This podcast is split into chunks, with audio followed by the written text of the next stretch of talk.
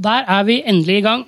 Og det er meg en sann glede å ønske deg hjertelig velkommen til ei flunkende ny episode av Bærepodden. Jeg heter Håkon Sveen og skal forsøke å guide deg gjennom de neste 45 minuttene ish, som jeg tror og håper vil bli proppfulle av innsikt og læring for alle med interesse for digital transformasjon og bærekraftig utvikling. Men det har jeg ikke tenkt å gjøre alene. For uh, med meg som alltid så har jeg min gode venn og kollega, sagnomsuste Sigurd Elisa Erisland, også kjent som en av Indre Liers 100 største D-kjendiser. Hvordan går det, Sigurd? Eh, jo takk, Håkon. Det går eh, egentlig ganske bra. Men eh, ja, Indre Lier kjenner jeg ikke til, og hva i all verden er en D-kjendis for noe? Nei, De kommer i hvert fall eh, etter A-, B- og C-kjendiser. Er nederst på lista. i hvert fall. De som eh, kanskje blir gjenkjent en gang eller to i listelag. Ja, Ikke så mye å trakte etter, med andre ord. Eh, men sant å si så trakter jeg egentlig ikke etter et liv som en verken A-, B- eller C-kjendis heller, så da er vel det godt nok. Eh, mannen på gata, med andre ord. Men Håkon, eh, fra spøk til revolver. Vi er tilbake til en god sommerferie med mange fine opplevelser og minner. Men det er noen mørke skyer i horisonten her som vi må snakke litt om, og da er det lov til å bli litt mer alvorlig her. For det er oppoverbakke for verdenssamfunnet om dagen. Klimaendringene begynner virkelig å gjøre seg gjelde. Rekordvarme i Sør-Europa har resultert i vannmangel, tørke og tapte avlinger. Vi ser ekstremhete og tørke i Kina, mens eh, Pakistan opplever i dag det stikk motsatte. I tillegg så har vi krigen i Ukraina, som gir ufattelige menneskelige lidelser. Og alt dette, sammen med ringvirkene etter korona, gir en markant økning i alt fra matpriser til strøm. Og som igjen har gitt oss en inflasjonsvekst som er ute av kontroll. Og Det er med andre ord mange piler som peker i feil retning, og det er mange mennesker rundt om på kloden som er bekymret og fortvilet, og som lurer på hvordan de skal få endene til å møtes. Og I et slikt landskap så ser vi også at antidemokratiske krefter de, de får grobunn, og tilliten mellom folk og politikere, og ikke minst samfunnsinstitusjoner, er under betydelig press. Ja, og vi kjenner det på kroppen her i Norge også. Likevel da, så er vi tross alt bedre rusta til å møte krisen enn det mange andre land er. Åpen debatt og høy tillit til myndighetene og institusjonene våre gjør det mulig for oss å ha et velfungerende demokrati. Og Vi i Bærpodden vi har jo som misjon å løfte frem de gode kreftene, de spennende historiene, de aktuelle temaene og de viktige samfunnsinstitusjonene som til sammen bidrar til at Norge er et av verdens beste land å bo i. Derfor så har vi tatt en real sklitakling på skatteetatens IT-direktør Jørn Leonardsen og inviterte han med oss inn i studio for å få et sjeldent innblikk i det som er en av Norges viktigste etater og en virkelig bærebjelke i velferdssamfunnet vårt. Og jeg har faktisk vært så heldig å få være på oppdrag i Skatt, og der har jeg sett med egne øyne hvordan det nå virkelig trykkes på gassen for å utvikle neste generasjons digitale tjenester. Og det tenker jeg flere må få innsikt om, for her er det virkelig mye å lære og la seg inspirere av. Ja, nå har det vel egentlig snart runda offentlig sektor, har du ikke det, Håkon? Eh, det, har blitt, det har blitt noen steder. men Jeg har vært heldig å få jobbe med noen av landets største digitale omstillinger i offentlig sektor de siste 10-12 årene. Men det som skjer i skatt nå, det er utvilsomt noe av det mest spennende jeg har vært borti. For nå slås det på stortromma, og i dag skal vi få bli med på innsiden av skatteetaten. Få innsikt i deres omstillingsreise og bli bedre kjent med IT-direktør Jørn Leonardsen. Det gleder vi oss stort til. Absolutt. For Jørn har en imponerende bakgrunn innen IT-feltet og har gjennom karrieren opparbeidet seg en kunnskapsbase som nok mange av oss kan misunne han om. Og så nå da, så står han overfor en av sine kanskje største utfordringer eh, noensinne. For som IT-direktør har Jørn en nøkkelrolle med å rigge og lede apparatet som skal utvikle morgendagens skatte- og innkrevingstjenester. Og det vil kreve mye av mange på flere områder. Eh, vi skal snart få høre mer om dette og dykke ned og se hva dette betyr i praksis. Men før vi kommer så langt, her er endelig litt mer Foodfacts. Hei, Inger Hilde fra Foodstep her. Visste du at skatter og avgifter utgjør om lag 40% av Norges bruttonasjonalprodukt? Du og jeg, vi betaler stort sett vår skatt med glede. Vi vet at dette er et spleiselag som gir oss felles goder. Og i Norge har vi gjennomgående tillit til at disse pengene forvaltes på en god måte. Bærekraftsmål nummer ti handler om rettferdig fordeling. Om å dele på ressurser og goder, slik at alle kan få leve gode liv. Skatter og avgifter er et viktig virkemiddel for å bidra til utjevning og til å finansiere offentlige tjenester. Men skatteetaten gjør mer enn å fastsette og samle skatter og avgifter. Etaten har bl.a. også ansvaret for folkeregisteret, som inneholder nøkkelinformasjon om alle som bor eller har bodd i Norge. Her ligger bl.a. informasjon om de store hendelsene i livene våre, fra fødsel til død. Alle plikter og rettigheter du og jeg har som borger, er faktisk knyttet til folkeregisteret. Det å vite hvem vi er, er faktisk en grunnleggende forutsetning for alle offentlige tjenester og ytelser. Skatteetaten har vært en viktig pådriver og et forbilde for digitalisering av offentlig sektor. Komplekse regelverk, lange verdikjeder og beregninger er blitt forenklet og gjort tilgjengelig og forståelig for brukere som deg og meg. Men skatteetaten er aldeles ikke i mål, og det er masse spennende på gang. Og i dag skal vi få høre mer om dette. Tusen takk til eh, Inger Hilde for en fin innledning og kloke refleksjoner inn i en episode som vi har sett frem til lenge. For nå skal vi over til selve indrefileten. Med oss i studio har vi Skatteetatens IT-direktør Jørn Leonardsen. Hjertelig velkommen til eh, Bærepodden, Jørn. Tusen takk eh, til dere begge. Det, jeg må si jeg trives eh, best blant eh, D-kjendiser. Så, så, her tror jeg vi kommer til å få en hyggelig stund sammen. Veldig glad for å være her. D-kjendis er undervurdert, altså. ja. Jørn, aller først så har vi litt lyst til å bli bedre kjent med deg. Hvem er Jørn Leonardsen? Ja, vi, vi, kan jo ta det i en sånn uh, privat og profesjonell akse, da. Uh, det var så vidt innom uh, bakgrunnen min her. profesjonelt, da, så, så, er jeg jo en realist og siving av bakgrunn. Utdanningen min fra Trondheim, Berkeley, og jobbet i IT en eller annen variant i over 30 år etter det.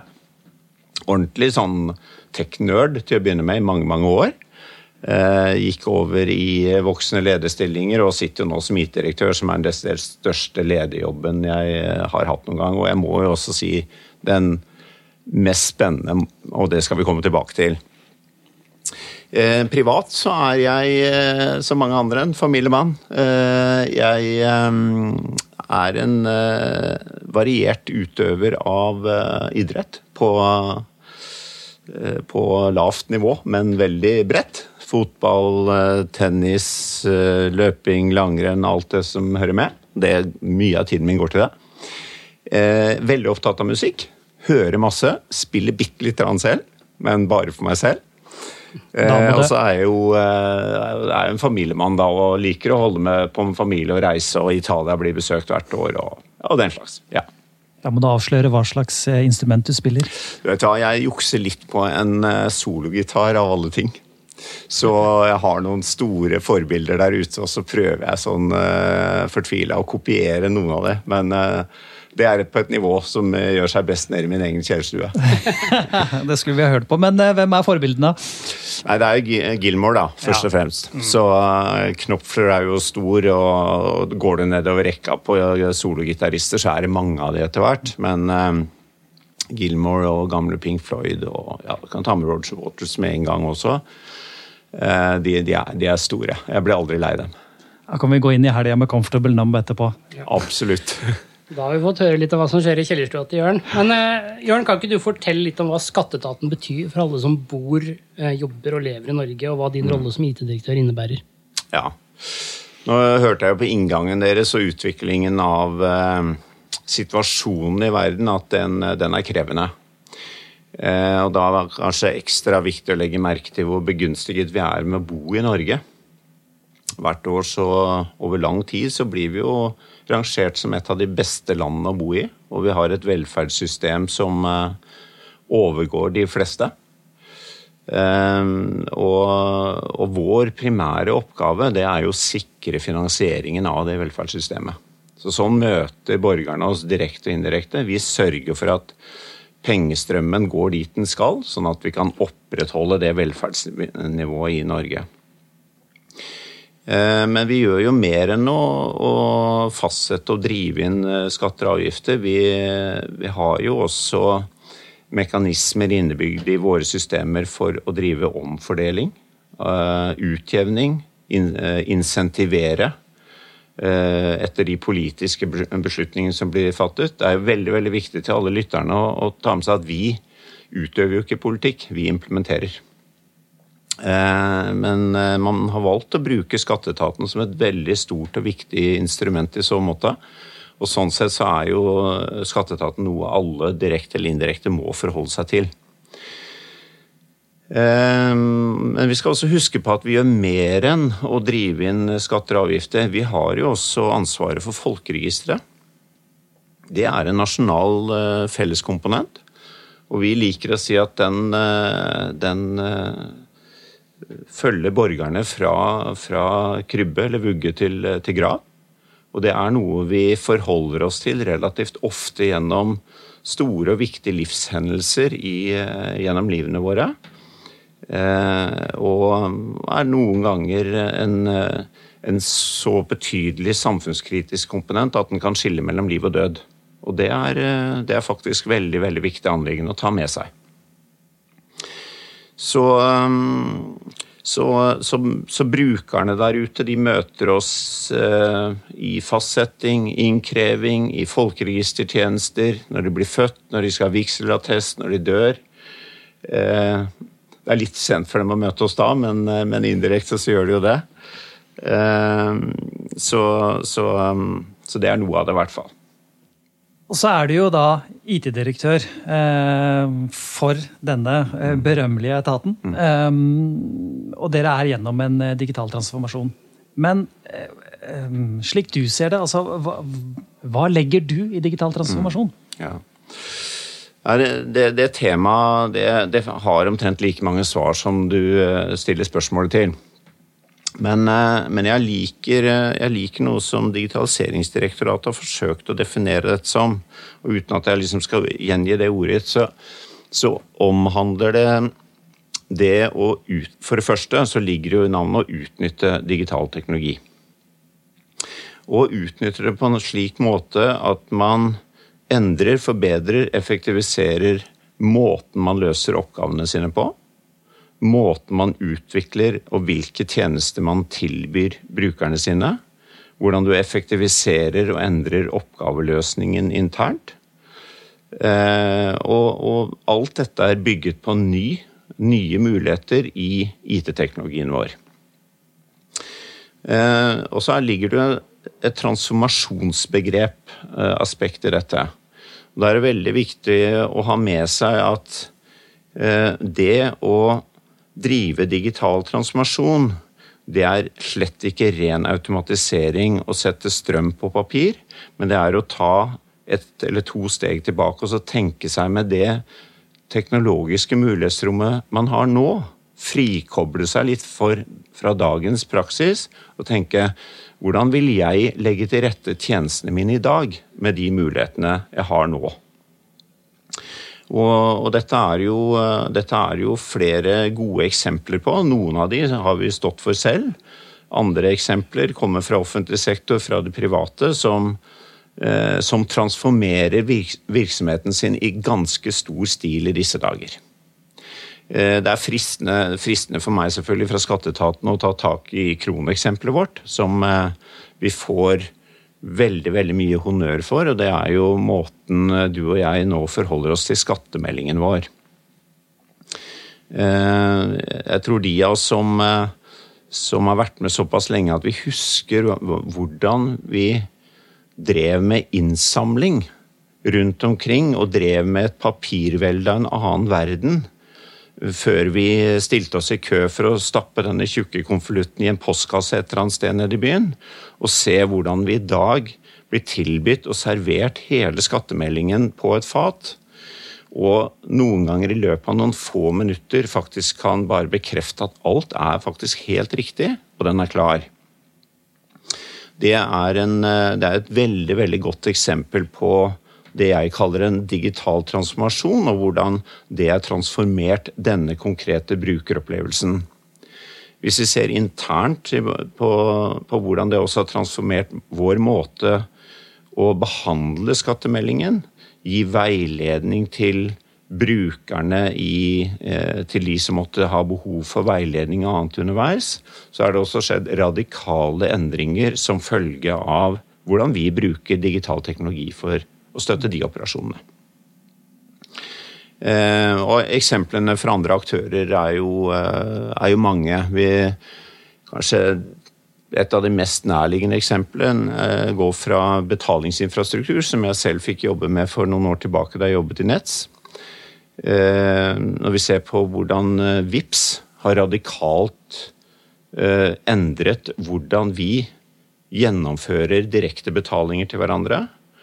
Så, og hvordan, hvilken utbredelse det har fått fra små dugnadslag til store tjenestetilbydere som plutselig har fått en helt annet betalingsvirkemiddel, og interaksjonen mellom eh, den som fordrer betaling og den som skal betale, er en helt annen og smidigere, og, og ting går rett og slett veldig smidig og lett. Mm.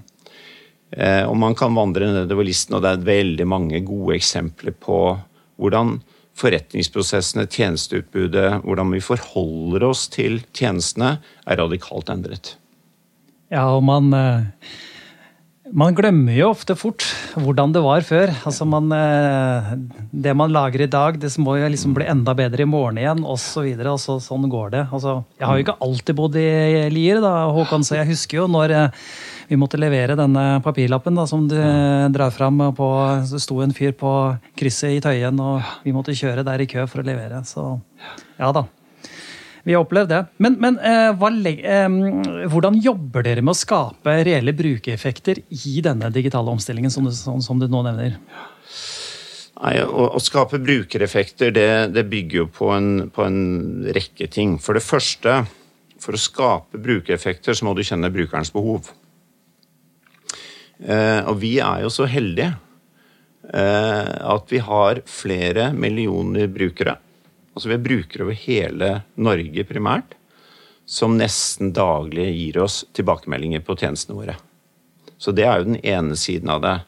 Og, og vi vet jo det at med, med, en gang det er noe som skurrer i skatteetatens betjeningsmodell, brukertjenester, så har det en tendens til å få ganske stort oppslag. Vi hadde egentlig et veldig godt og relevant eksempel fra denne sommeren. Eh, nå snakker vi digitalisering, men det er jo ikke alle som er med hele veien på digitalisering. Og vi skal også være der for de brukerne. Og her var det en bruker som hadde støtt på utfordringer eh, med å komme gjennom med sitt behov. Og det ble jo raskt en veldig stor sak i mediene.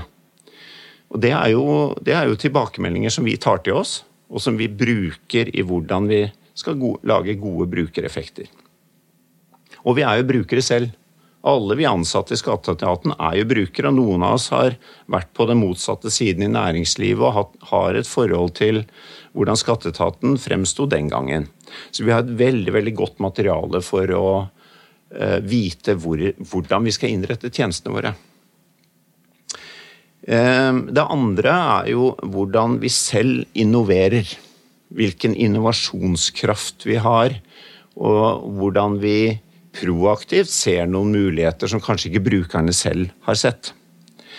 Og jeg må si, eh, når det kommer til innovasjon Én eh, ting er jo at vi stadig vekk så, så når vi veldig høyt opp på kåringer, faktisk. Nasjonale kåringer som tar for seg både private og offentlige aktører, og vi scorer høyt og viser, viser at vi er oppfattet som en innovativ aktør. Men eh, det er ikke mer enn fire år siden jeg selv begynte i Skatteetaten. Og det, det sterkeste førsteinntrykket jeg fikk da jeg gikk inn dørene i Skatteetaten, det, var den sterke innovasjonskulturen som lå i veggene. Jeg kunne kjenne det, nesten føle det når jeg gikk inn i veggene og jeg, sett, jeg, jeg, jeg gikk gjennom dørene. Og, og, og, jeg har virkelig sett det i alt vi har gjort, og hvordan vi legger til rette for at nye innovative krefter og forslag får lov til å blomstre i skatteetaten, det er faktisk veldig sterkt å se. Det er en veldig, veldig viktig eh, muskel eller motor for å drive frem brukereffekter. Det tredje er jo hvor raskt vi kan levere på brukereffektene, eller ønskede brukereffektene. For det vi ser nå rundt oss, det er jo brukere som blir tilvendt tjenestemodeller, brukeropplevelser fra andre aktører, som hver dag kjemper for uh, sin, uh, sine kunders lojalitet. Da snakker jeg om de store private foretakene som satser enorme midler på å utvikle bedre brukertjenester. Det er de samme brukerne som kommer til oss. Så de begynner å bli ganske godt bortskjemt med gode brukeropplevelser. Det driver krav til oss også. Og dette går veldig fort. Um, så det vi gjør nå, uh, det er å forsere og ta noen, uh, noen sterkere steg i retning av å uh, legge om utviklingsmodellen vår fra bare store, langvarige moderniseringsprosjekter, som vi har høstet veldig stor applaus for, til å se om vi kan bli smidigere, raskere og levere mindre, men eh, mindre eh, leveranser, men raskere og hurtigere. Sånn at vi løpende kan dytte ut brukereffekter ut i samfunnet. Så, så, det er jo det tredje aspektet av det å realisere brukereffekter, og levere de når de har behov for dem. For det, det hjelper på en måte ikke å gjøre en eller annen erkjennelse at uh, dette ville vært fint, og så får de det om to år. Um, og så Hvis vi beveger oss litt høyere opp i sfæren, så har vi også jobbet frem en ny strategi i skatteetaten.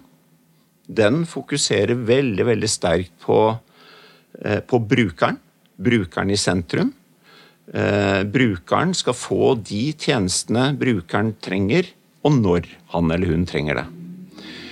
Det er, eh, det er en strategisk ambisjon som, som jeg tror kommer til å gjennomsyre hele tenkningen og som vi skal ha som et eh, eh, som et siktemål i egentlig alt vi kommer til å gjøre fremover.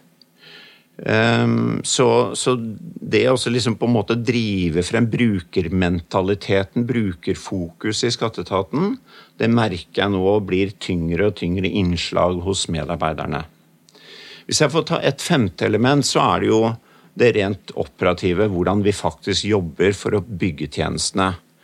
Eh, og skatteetaten har vært, lenge før min tid, vært veldig, veldig god på eh, hvordan de jobber med brukerbehovene. Omsetter de brukeropplevelser. Teste ut brukernes opplevelser i labber osv. for å se at de løsningene vi kommer med, faktisk møter en effektiv og god brukeropplevelse. Så, så det, er, det, er, noen, en fire-fem av de punktene som, eh, som vi vektlegger da, for, å, for, å, jobbe godt med, med realisering av brukereffekter. Ja, og Det er jo egentlig en eh, passende bro til eh, det neste spørsmålet vårt. For tidligere i år så startet det som trolig er norgeshistoriens største digitaliseringsløft noensinne gjennom programmet Fremtidens innkreving. Kan ikke du fortelle litt om den satsinga, Jørn? Ja, Du bruker store ord, eh, Håkon. Eh, men eh, det er i hvert fall sånn at vi kjenner nok på at det er det. Om det rent faktisk er det, det får, det får vi nå se på. Men du har, du har jo rett med inngangen din. Dette er et kjempeløft. Han, han, han, pleier å bruke store ord, skjønner du. Ja, jeg begynner å kjenne nå, men uh, Jeg er en nøktern fyr, vet du, så jeg holder igjen litt, jeg. Nei da, det dette er svært. Uh, og det er jo sånn at vi har allerede investert et par år i konsept og idéutvikling og planlegging på dette. Og i år er det første av et syvårig programforløp. Og, og, dette er jo modernisering av offentlig innkrevingsvirksomhet, rett og slett. Eh, og her ligger det veldig mye spennende. Eh, bakgrunnen for dette er jo at skatteetaten over de seneste årene har fått overført et stort ansvar for å drive all offentlig innkreving. Det betyr at vi har overtatt store systemporteføljer og forretningsprosesser fra mange av de andre store offentlige aktørene, og vi har samlet det under ett tak. Men det har jo ikke ført til en enklere hverdag for de som eh, er skyldnere. Eh, og det har heller ikke ført til en enklere hverdag for oss. Så vi sitter, Hvis vi begynner med oss selv da, og tar det teknologiske rasjonalet for dette, så sitter vi nå med syv forskjellige teknologiske plattformer hver især veldig stor. Forskjellige teknologier, programmeringsspråk, kunnskap. Og dette, risikoen på den porteføljen den øker jo bare for hver dag. Og, og vi må gjøre noe. Det andre er at eh, brukerne de møter jo De kommer jo i en situasjon som kan lede til innkreving, og hvor de mottar krav til innkreving fra mange forskjellige etater i det offentlige. Og et viktig element i eh, digitaliseringsstrategien i Norge, det er jo at, eh, at brukeren skal møte det, det, offentlige, uavhengig av hvilken offentlig etat han eller hun skal ha et forhold til, på én enkel måte. Og da skal det egentlig være irrelevant om eh, om man er på vei inn i en skyldner situasjon pga. et møte med Nav, Lånekassen, Brønnøysund eh, eller Skatteetaten. Ehm, og det er også sånn at eh, de forskjellige eh, relasjonene som en bruker har til de forskjellige etatene, må og bør ses i sammenheng, sånn at vi kan håndtere denne brukeren på en god måte. Så for å svare opp på dette, og på, på, på vegne av det offentlige, på, så påtar vi oss et ansvar for at dette skal gjøres på én helhetlig måte, som gir brukeren én god felles brukerreise. Og da har vi innledet et samarbeid med mange av de aktørene som jeg nettopp nevnte. Skatteetaten er jo den desidert største bidragsyteren og leverandøren inn i dette, men vi lykkes ikke med dette uten å ha et godt, tett samarbeid med Nav, Lånekassen, politiet, Brønnøysundregistrene, for å nevne noen. Så, så dette, dette, er jo et eh, Om det ikke skulle være norgeshistoriens største digitaliseringsprosjekt, så, så, tror jeg i hvert fall det er det, det, største løftet for å realisere intensjonen og ambisjonen bak den nye digitaliseringsstrategien. Og det gjør det jo ekstra spennende. Ehm, og det stiller noen veldig, veldig store krav til oss. Det er store investeringer.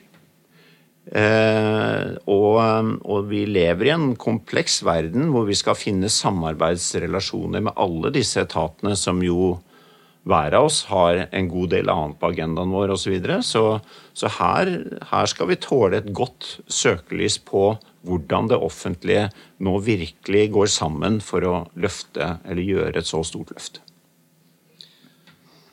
Har dere møtt på, på utfordringer underveis knytta til behandlingsgrunnlaget av personinformasjon? Hvordan har dere eventuelt jobba med å møte de utfordringene? Ja, når, når, det gjelder, eh, når det gjelder behandlings... Eh, eller våre, våre lover og regler som, som, styrer det behandlingsgrunnlaget, så er det jo det å si at vi som en viktig del av dette programmet så har vi jo et, et eget prosjekt også som skal drive regelverksutvikling. Og sørge for at reg, lover og regler er slik at vi kan eh, bruke dataene på tvers av de etatene på en forsvarlig måte. Så brukerne skal kjenne at eh, deres informasjon er ivaretatt i henhold til lover og regler. Dette er jo noe vi har god tradisjon for i skatteetaten. Vi er en uh, lov- og regelstyrt etat. Uh, vi har en uh, stor, kompetent juridisk avdeling som er trenet opp i både å forstå og forholde seg til lover og regler, selvfølgelig, men også å drive aktiv Eh, regelverksutvikling, eller drive frem regelverksutvikling, slik at vi også kan utnytte mulighetsrommet som teknologien kan gi oss, sammenkoblet med de dataene vi, eh, vi, får, eh, vi får, inn. Eh, vi har jo også som en del av dette arbeidet og det er egentlig over på hvordan vi også ønsker å utnytte og anerkjenne betydningen av brukerdataene. Så har vi en egen divisjon for informasjonsforvaltning Eh, som også har bygget mye kompetanse på akkurat dette området. Så det er ikke slik, eh, slik Håkon, at vi eh, står med utfordringer der nå som hindrer fremdriften, men vi er veldig godt kjent med hva vi må ha på plass for over tid å kunne levere på innholdet i dette programmet. Mm. Mm. Ja, for det er jo flere etater som har opplevd Kanskje ikke utfordring er det riktige begrepet, men, men, men altså det, det, er noe Man må være bevisst på hva man gjør når man samhandler og mm. bruk av eh, data som kanskje mm. er hentet inn på et annet grunnlag. Da, som, eh, og ja, dette kjenner vi jo til. Absolutt. Og, og, brukerne de skal selvfølgelig være trygge på at vi bruker dataene innenfor gjeldende eh, regelverk. Og så vil de samme brukerne være interessert i at vi forbedrer deres tjenester. Men da gjør vi dette altså i de riktige stegene og sørger for at vi har ryddet på plass og fått på plass det lovverket som kan åpne for det. Eh, og da skal jo også selvfølgelig brukerne til enhver tid kjenne, og vite, kjenne til og vite om at vi bruker disse dataene for dette formålet. Mm. Ja. Eh, satsingen som du snakker om, den, eh, dette virker som omfattende. Eh, og Du sier jo dette og, og, bekrefter det. Eh, og dere vil jo sannsynligvis da kreve Det vil kreve mye av mange. Eh, og kanskje også ny kompetanse. Og da er vi sånn interessert i å høre om, om, hvordan dere ser på rekrutteringspotensialet, agendaen og kompetanseløpene. Mm. Hvordan ser det ut fremover? Ja. Det er jo helt riktig at vi, vi trenger både ny og mer kompetanse. Men det første jeg har lyst til å si når vi snakker rekruttering, det er at det er like viktig for oss å sørge for at vi klarer å beholde Eh, de høykompetente medarbeiderne vi har. Eksempelvis kan jeg si at uh, i år så, så, tror jeg vi har lykkes med å rekruttere noe sånn som 90 medarbeidere. Men vi har mistet 60. Så netto tilvekst er 30. Eh, og, og de, de, 60 som, eh, som jeg mistet, de forsvinner ut av skatteetaten med veldig veldig verdifull kompetanse, som mange av de kanskje har bygget over år. Så, så, vi har en veldig oppmerksomhet på samlet kapasitet, og det betyr å jobbe godt med å utvikle en bedriftskultur som sørger for at her vil folk være. Og selvfølgelig ut i markedet og hente flere, for vi vokser. Om ikke skatteetaten i stort vokser, så er behovet for IT-kapasitet voksende etter hvert som mer og mer flyttes fra manuelle hender til digitaliserte prosesser. Så, så, det er det ene aspektet av det. Det andre er jo at eh, eh, det, det dukker opp nye kompetansebehov.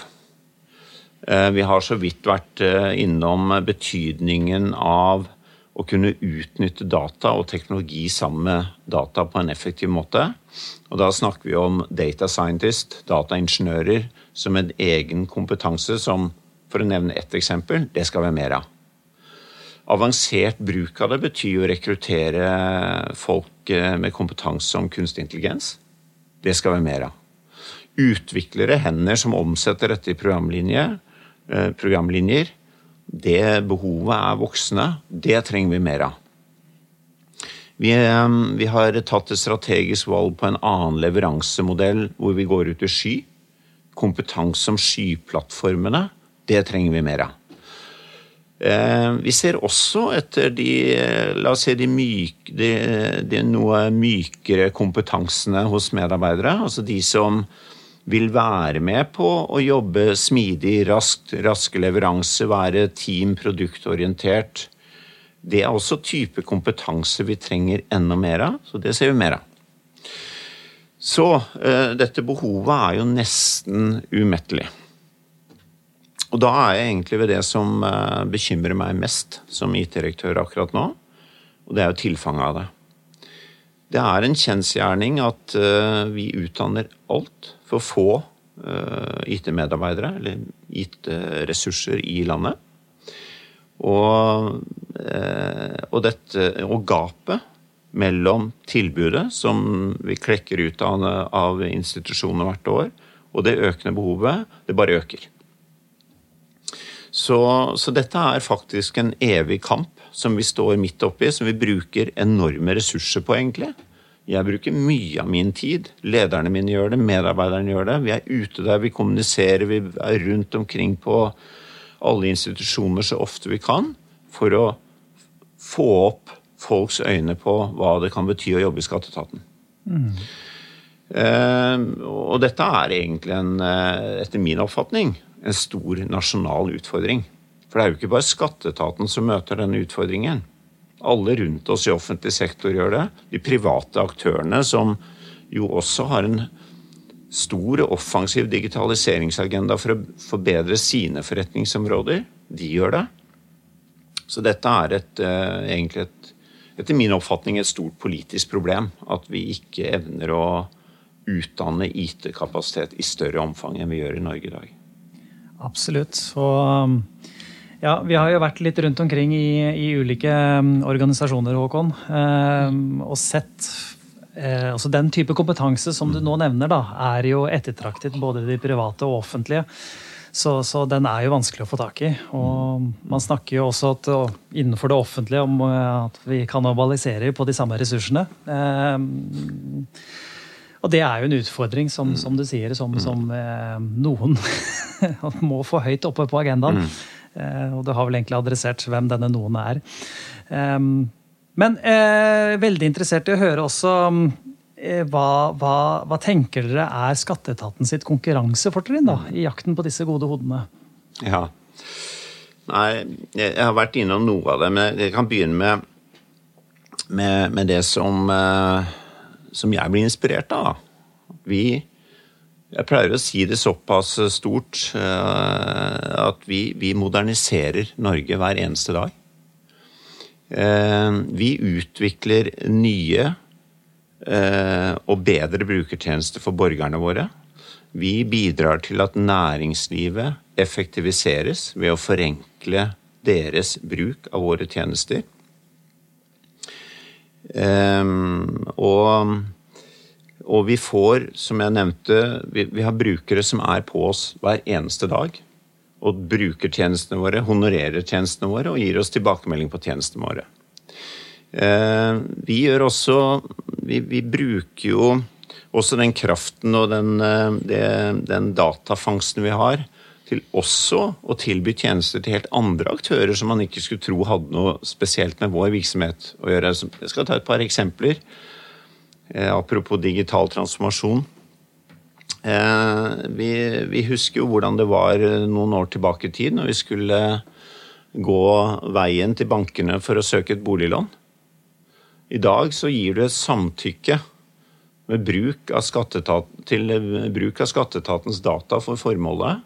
Du kan egentlig ha prosessert en lånesøknad på noen få minutter. Jeg har selv gjort det. Eh, skal du, inn, eh, skal du, omregistrere en motorvogn, så gjør du alt digitalt i dag. Det er ved hjelp av skatteetatens tjenester. Så brukerne der ute de, de, møter oss på så mange måter. Eh, og det å få lov til å sitte og være med å drive denne moderniseringen av Norge, det tenker jeg i samfunnsoppdraget som sådan er veldig inspirerende. Så det er jo den ene siden av det vi tilbyr. Det andre er innovasjon og tørre å være modig og bruke ny teknologi. Vi vet jo at det er teknologer der ute som kan være mindre opptatt av hva leverer vi dette egentlig til. Jeg skal jo bare erkjenne åpent at de første programmeringsjobbene jeg hadde, så var jeg veldig opptatt av hva jeg fikk til med Java-koden min.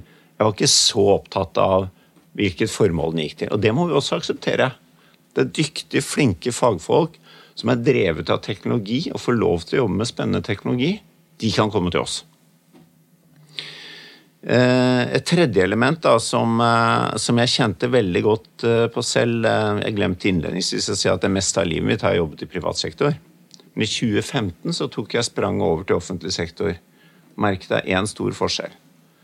I det private så er man drevet av noe jeg, noe jeg velger å kalle for litt sånn eh, kommersiell nervøsitet. Det er det neste kvartalet, i hvert fall hvis du er børsnotert, som blir styrende for veldig mye av det du jobber med. Det blir litt hopp og sprett og spring. Plutselig la vi ned det, og så var det å skifte over til noe annet. Og det kunne bli litt sånn oppjaget kortsiktighet over det du drev med. I det offentlige så får vi stå i de lange løpene. Når vi har en god samfunnsøkonomisk analyse på et mindre eller større prosjekt, ja, så gjennomfører vi det prosjektet vi har levert. Og Det tenker jeg også er veldig tilfredsstillende å få lov til å være med på og se at vi står i løpet. Du er med, og du, du, du får være med på hele reisen til vi er i mål. Ehm, det er også sånn at vi jobber jo aktivt med mange samarbeidspartnere. Konsulentvirksomhet i offentlig eh, sektor er jo utfordret, men det er sånn at vi må bruke det ved av og til for å ta ut noen av disse toppene. Når vi har store satsinger, så, så kan vi ikke ansette og gjøre alt selv. Det betyr jo også at vi får en veldig fin dynamikk mellom det private og det offentlige. Og vi har en veldig, veldig god læringsutveksling mellom de konsulentene som kommer til oss med sin kunnskap, hvordan vi bruker vår kunnskap og samarbeider veldig godt med disse før de går ut igjen. Eh, så, så de som måtte være interessert i, og det tror jeg gjelder de fleste av oss, de som kontinuerlig læring, kunnskapspåfyll, kombinere det med litt sånn offensiv bruk av moderne teknologi, de, der tror jeg vi har et verdiforslag som ikke så mange slår. Mm. Og når, vi, eh, når jeg eh, snakker med sommerstudentene våre eh, hvert år, etter at de har vært hos oss en sommer og fått prøvd ut dette, så er det akkurat disse tilbakemeldingene de kommer med. Det er veldig overrasket over at dette litt i utgangspunktet alvorstunge skatteetaten er så innovative og lekne og modige med hvordan vi bruker teknologi. Og det er veldig hyggelig for meg hvert år å høre akkurat de samme tilbakemeldingene. Så ser vi um, at du har vært uh, Du har skrevet noen gode kronikker, du er aktiv på LinkedIn og, og snakker bl.a. hvordan dere setter en ansatt i sentrum. Kan ikke du uh, si litt hvordan dere jobber med det? Ja, Det, det syns jeg er kjempespennende å snakke om, faktisk. Fordi uh, dette er noe som ligger mitt hjerte veldig nært. og jeg har nettopp vært og snakket for 150 medarbeidere om akkurat det samme. Det jeg kaller medarbeiderskap. Og Det er også en viktig del av, eh, av skatteetatens nye strategi, bare så det er sagt. Men for å være litt konkret på det, da. Det jeg ønsker å se, det er medarbeidere som får et handlingsrom og tar det. Vi har veldig, veldig sterk tro på dette, dette finnordet bemyndiggjøring. Dvs. Si å sette folk i stand til selv vurdere, diskutere, fatte beslutninger og handle. Og jeg tenker at eh, eh, som medarbeider så, så, skal du helst være litt trigget av den måten å jobbe på. Og dagens medarbeidere, kunnskapsmedarbeidere, de er jo drevet av det. De vil jo ikke ha arbeidsinstrukser fra meg og andre som sitter på, på lang avstand og, og, og, ikke lenger har dybdekompetansen om hva som skal til for å løse en jobb mest mulig effektivt. Og Det er det, som, det, er det jeg tenker med å sette medarbeiderne i sentrum. De skal kjenne at de kommer hit, de får et handlingsrom, mandat, og så gjør de jobben. Ref, eh, tilbakemelding fra sommerstudentene, det lot de seg også overraske over. Vi var der og la rammevilkårene til rette. Ga de den, eh, den bakgrunnskunnskapen de, de, hadde behov for å gå løs på jobben. Derfra ut så løste de den selv. Litt coaching og veiledning og kunnskapspåfyll osv. De skulle tross alt inn i vårt domene og våre systemer. Men de kom tilbake og uttrykte stor overraskelse over det store handlingsrommet de fikk. Uh, og jeg har et veldig veldig sterkt eksempel fra nyere tid, faktisk, uh, hvor vi demonstrerte dette den gangen nesten litt ufrivillig.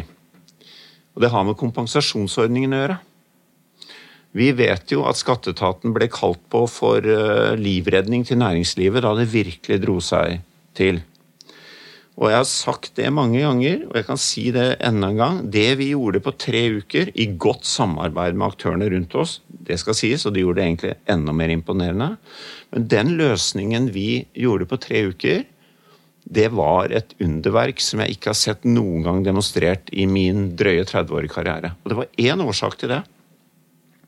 Vi satte sammen folk som fikk hele handlingsrommet. De fikk hele mandatet til å finne løsning og eksekvere på løsning, levere. Dette gjorde de altså på tre uker. Og i løp, mens dette pågikk, så pågikk hele regelverksutviklingen. Så, så dette, var altså, dette, var altså, en helt fantastisk enestående leveranse. En unntakstilstand. Vi skal sies at disse folka våre de, de jobbet jo dag og natt i tre uker. Vi kan ikke kopiere den, men den viste meg hvor mye kraft det ligger i å definere og gi handlingsrom når de tar det. Det er utrolig imponerende. Vi har også hatt eh, Ingvar Ugland i DNB her tidligere, Sigurd, som også var med på den, eh, den jobben der. Og, og, mm, absolutt. Alle viktige mennesker er i bærepodden. Ja, ja, ja. vi skal litt videre eh, i programmet, Jørn. Hvordan vil Hvordan vil det teknologiske landskapet se ut for IT-divisjonen i Skatt fremover? Og hvilke teknologier og plattformer vil dere fokusere på? Ja, til, til det siste, da, så, så, er det nok sånn at vi, eh, vi tillater og, å imøteser et mangfold av teknologier. Fordi eh, teknologiutviklingen går veldig fort. Og det er ikke sånn at én hammer passer til alle formål. Og da må vi faktisk gi rom for variasjon og kunne bruke det som er best for det aktuelle formålet der og da. Når det er sagt, så, så, er det jo noen teknologivalg vi har gjort som kommer til å sette noen rammer og retning for dette. Det ene har jeg vært innom. Vi, eh, vi skal ut i sky. Eh, det eh, gjør vi for ytterligere å styrke innovasjonskraften vår.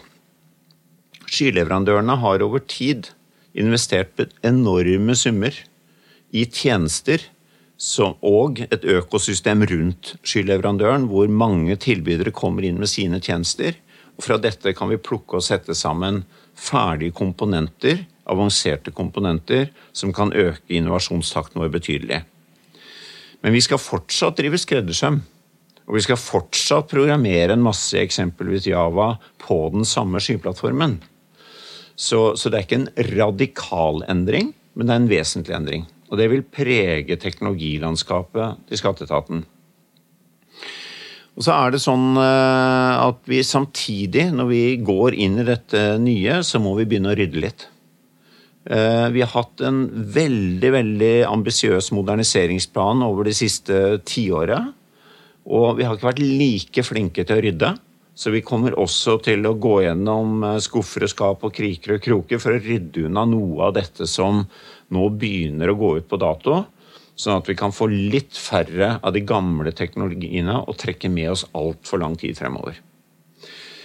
Um, så, så, det er vel på en måte hovedtrekkene i, uh, i teknologilandskapet. Vi, um, vi fortsatt være en sterk, sterk utviklingsorganisasjon. Vi vi har ikke valgt en, en pakketilnærming på skatteoperasjonene. Det fant vi ut at vi, vi kunne ikke. Er, jeg var innom at vi, vi syr inn nye lover og regler hele tiden. Nye politiske pålagte tiltak osv. Så, videre. så vi må være forberedt på å bygge mye selv.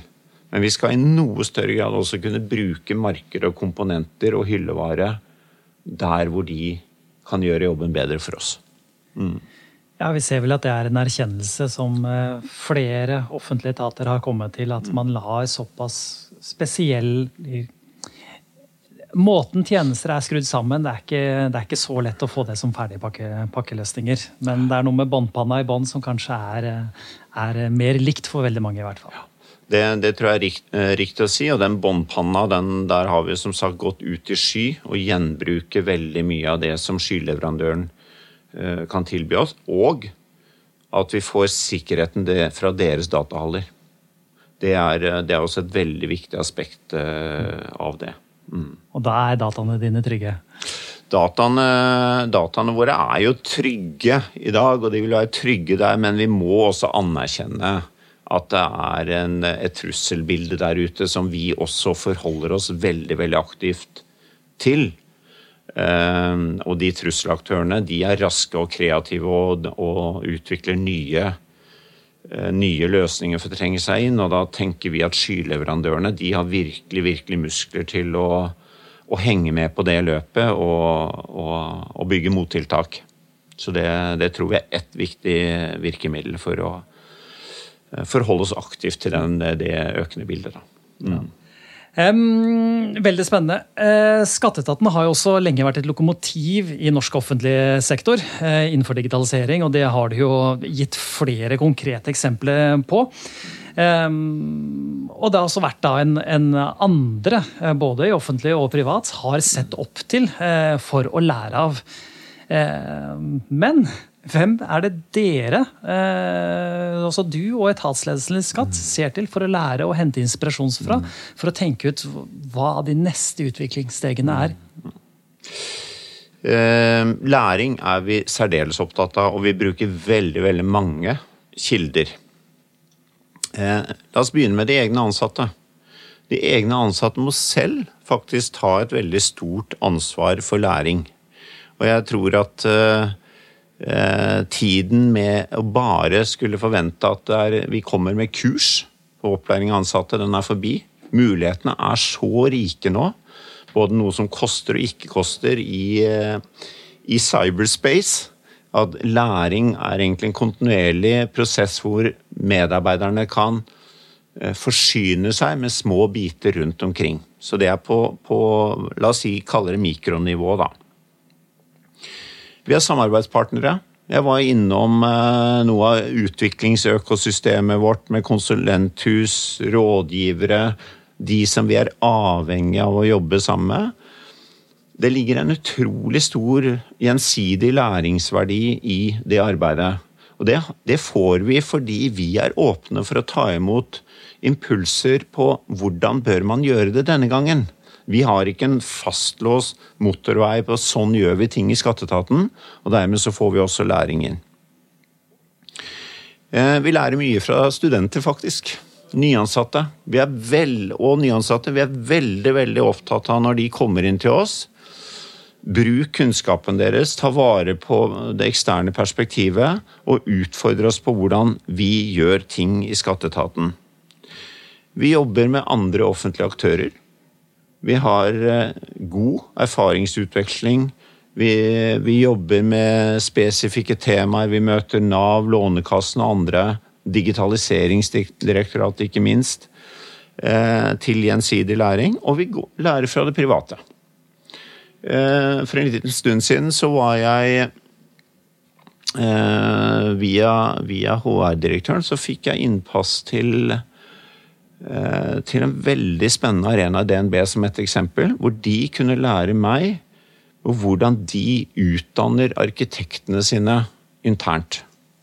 Så hvordan de bruker det rekrutteringsøyemed, og hvordan de kjører det gjennom et flerårig trainee- og utviklingsopplegg. Og ut i andre enden så kommer det kompetente arkitekter. Så, så, dette er eksempler på noen av de kildene vi bruker. Vi, vi, bruker jo Gartner. Vi er rundt omkring på konferanser, følger med på teknologiske trender. Eh, og, og, jobber med å på en måte omsette det i ny innovasjon i skatteetaten. Da. Så, så, det er ikke én måte for oss å lære på. Vi, er, vi har liksom læringsperspektivet nærmest i alt vi gjør, og hvordan vi jobber både med egenansatte, nyansatte, samarbeidspartnere og andre. Jeg elsker også måten du eh, trekker fram kompetansen til nyansatte. Mm. For den eh, har jo erfart at man kanskje ikke alt, i alle steder er, mm. verdsetter den like mm. mye. Mm. Det, så der har nok mange mye å lære. Eh, og så har jeg også bare lyst til å trekke fram altså, litt sånn erfaringsbasert selv også, som har eh, figurert litt i offentlig sektor, jeg også, Håkon. Eh, men den Eh, si, delingskulturen mm. som er mellom de ulike offentlige sektorene, det er mm. gull verdt. Altså. Mm. Og det syns jeg blir bare bedre og bedre. Yes. Um, men du, vi, vi, må også snakke om uh, uh, litt sånn hva som skjer framover. Uh, og, og, tenke liksom, altså, de, hva tenker du er de største mulighetene og utfordringene for skatteetaten i årene framover? Ja. Eh, vi har vært innom eh, noen av de store mulighetene, men bare for å gjenta det, så, ligger nok veldig mye av dette i hvordan vi kan utnytte datatilfanget vårt. Eh, vi har veldig mange, mange og rike datakilder, og det kan vi bruke på en smart måte til å få bedre kunnskap som vi kan utnytte i kjerneprosessene våre. For eksempel, hvordan driver vi god, effektiv, målrettet veiledning i skattemeldingen? Hvordan bygger vi veiledning inn i skattemeldingen så det blir enklere for brukerne å gjøre rett? I motsatt ende, hvordan bruker vi kunnskap om skattyterne til å sørge for at vi innretter kontrollinnsatsen vår, som er stor, og der hvor det er størst sannsynlighet for at man ikke gjør rett? Dette er to gode eksempler på hvordan vi kan utnytte datarikdommen vår til å både gjøre brukeropplevelsene våre bedre, og å sikre etterlevelse, som jo er et veldig, veldig viktig formål med vår virksomhet. Jeg kan ta et konkret eksempel. Vi har grunn til å tro at det er veldig, veldig mange av de som har kryptovaluta i dag, som av forskjellige årsaker ikke oppgir det til oss. En viktig grunn til at de ikke gjør det, kan være at det er rett og slett ganske komplisert. En ting er jo å oppgi at du har det, men å gjennomføre alle beregninger av gevinst-tap hvis du er aktiv i krypto, kan være litt komplisert. Vi satte noen sommerstudenter faktisk til å prøve å hjelpe oss med det. Eh, det fratar jo ikke eh, brukerne for plikten til å gjøre det, men vi tror at hvis vi kan hjelpe dem å gjøre det enklere, for jeg tror veldig mange vil gjøre rett, så er det enda flere som gjør rett. Et eksempel. Men eh, la oss snakke litt om utfordringer. Eh, fordi vi jobber jo med tjenestene våre ut fra det bildet vi ser rundt oss i dag. Men det er i ganske rask og dramatisk endring. Eh, vi snakker om globalisering hvordan plattform, eh, de store plattformselskapene endrer kostnads- og inntektsmodellene sine. Det endrer internasjonal skattelovgivning, som vi må ta inn over oss. Eh, verdikjeden endrer seg. Delingsøkonomi er et annet eksempel på det. Betalingsinfrastrukturen endrer seg. Vi var nettopp innom kryptovaluta. Og vi har vært innom tidligere også brukernes forventninger til oss endrer seg raskt. Så, så, det er egentlig bildet rundt oss som er den store utfordringen. Ikke, hvordan, ikke primært hvordan vi leverer på tjenesten i dag, men bildet rundt oss. Og på toppen av dette så er det en stadig forventning om at offentlig sektor effektiviserer, effektiviserer, effektiviserer. Fordi det blir ikke mer penger til offentlig sektor. Så det er summen av dette, å henge med på de raske, store og til dels radikale endringene rundt oss, med en økende kostnadsbevissthet, kostnadsfokus, det er egentlig den store endringen vår. Og som gjør at vi må se nøye på hvordan vi driver tjenesteutviklingen vår for raskt å kunne tilpasse oss dette. Mm. Så, så, det er nok utfordringsbildet vårt, men samtidig er jo det som gjør det så fantastisk spennende å jobbe der. Ja, det er en dynamisk verden vi lever ja, i. og virkelig. Et, en, en, en, bevegende mål, er ikke det det heter. Eh, og det er vel heller ingen grunn til å tro at den utviklingen som du nå drar fram, eh, vil gå noe saktere framover. Tvert imot. Nei da, det, det, er jo akkurat det vi ser. Eh, vi ser jo endringene skjer i dag. Og, um, og vi var innom digital transformasjon her tidligere og tempoet i det. Og det, det, er ikke noe grunn til å tro at det kommer til å gå langsommere. Tvert imot. Alle vil søke å utnytte disse mulighetene. Eh, både de som gjør det for gode formål, og de som gjør det for mindre gode formål. Det er fantastisk å høre på deg, Jørn. Eh, tida flyr i lystelag, og vi eh, nærmer oss veis ende. Vi er kommet til dagens siste spørsmål. Og det er det samme til alle våre gjester. Hvilke miljøer, virksomheter eller personer vil du trekke frem som spesielt gode på å bruke digital smartness til å skape et mer bærekraftig samfunn? Hvem ønsker å gi en bukett med virtuelle blomster? Ja, det er jo Det kunne vært mange der. Men uh jeg, jeg, nevnte jo at vi, vi, hadde en rolle under pandemien, og det er jo flere som har hatt. Og, og vi ser, ser, til digitaliseringskonferansen, så kom det opp et veldig veldig godt og relevant case for oss, og det var TISK-samarbeidet. Eh, hvor Norsk eh, Helsenett satt i førersetet. Men det som, er, eh, det som er spennende med det, er jo hvordan de har fått til å levere denne, eh, denne, løsningen på kort tid. Veldig, veldig viktig for oss. Sammen med jeg tror det var ni eller ti andre aktører. Ni andre aktører. Vi, vi skal være forsiktige med å skryte av selv, vi var inne der, men, men jeg tror ikke vi skal løfte frem skatteetaten denne gangen.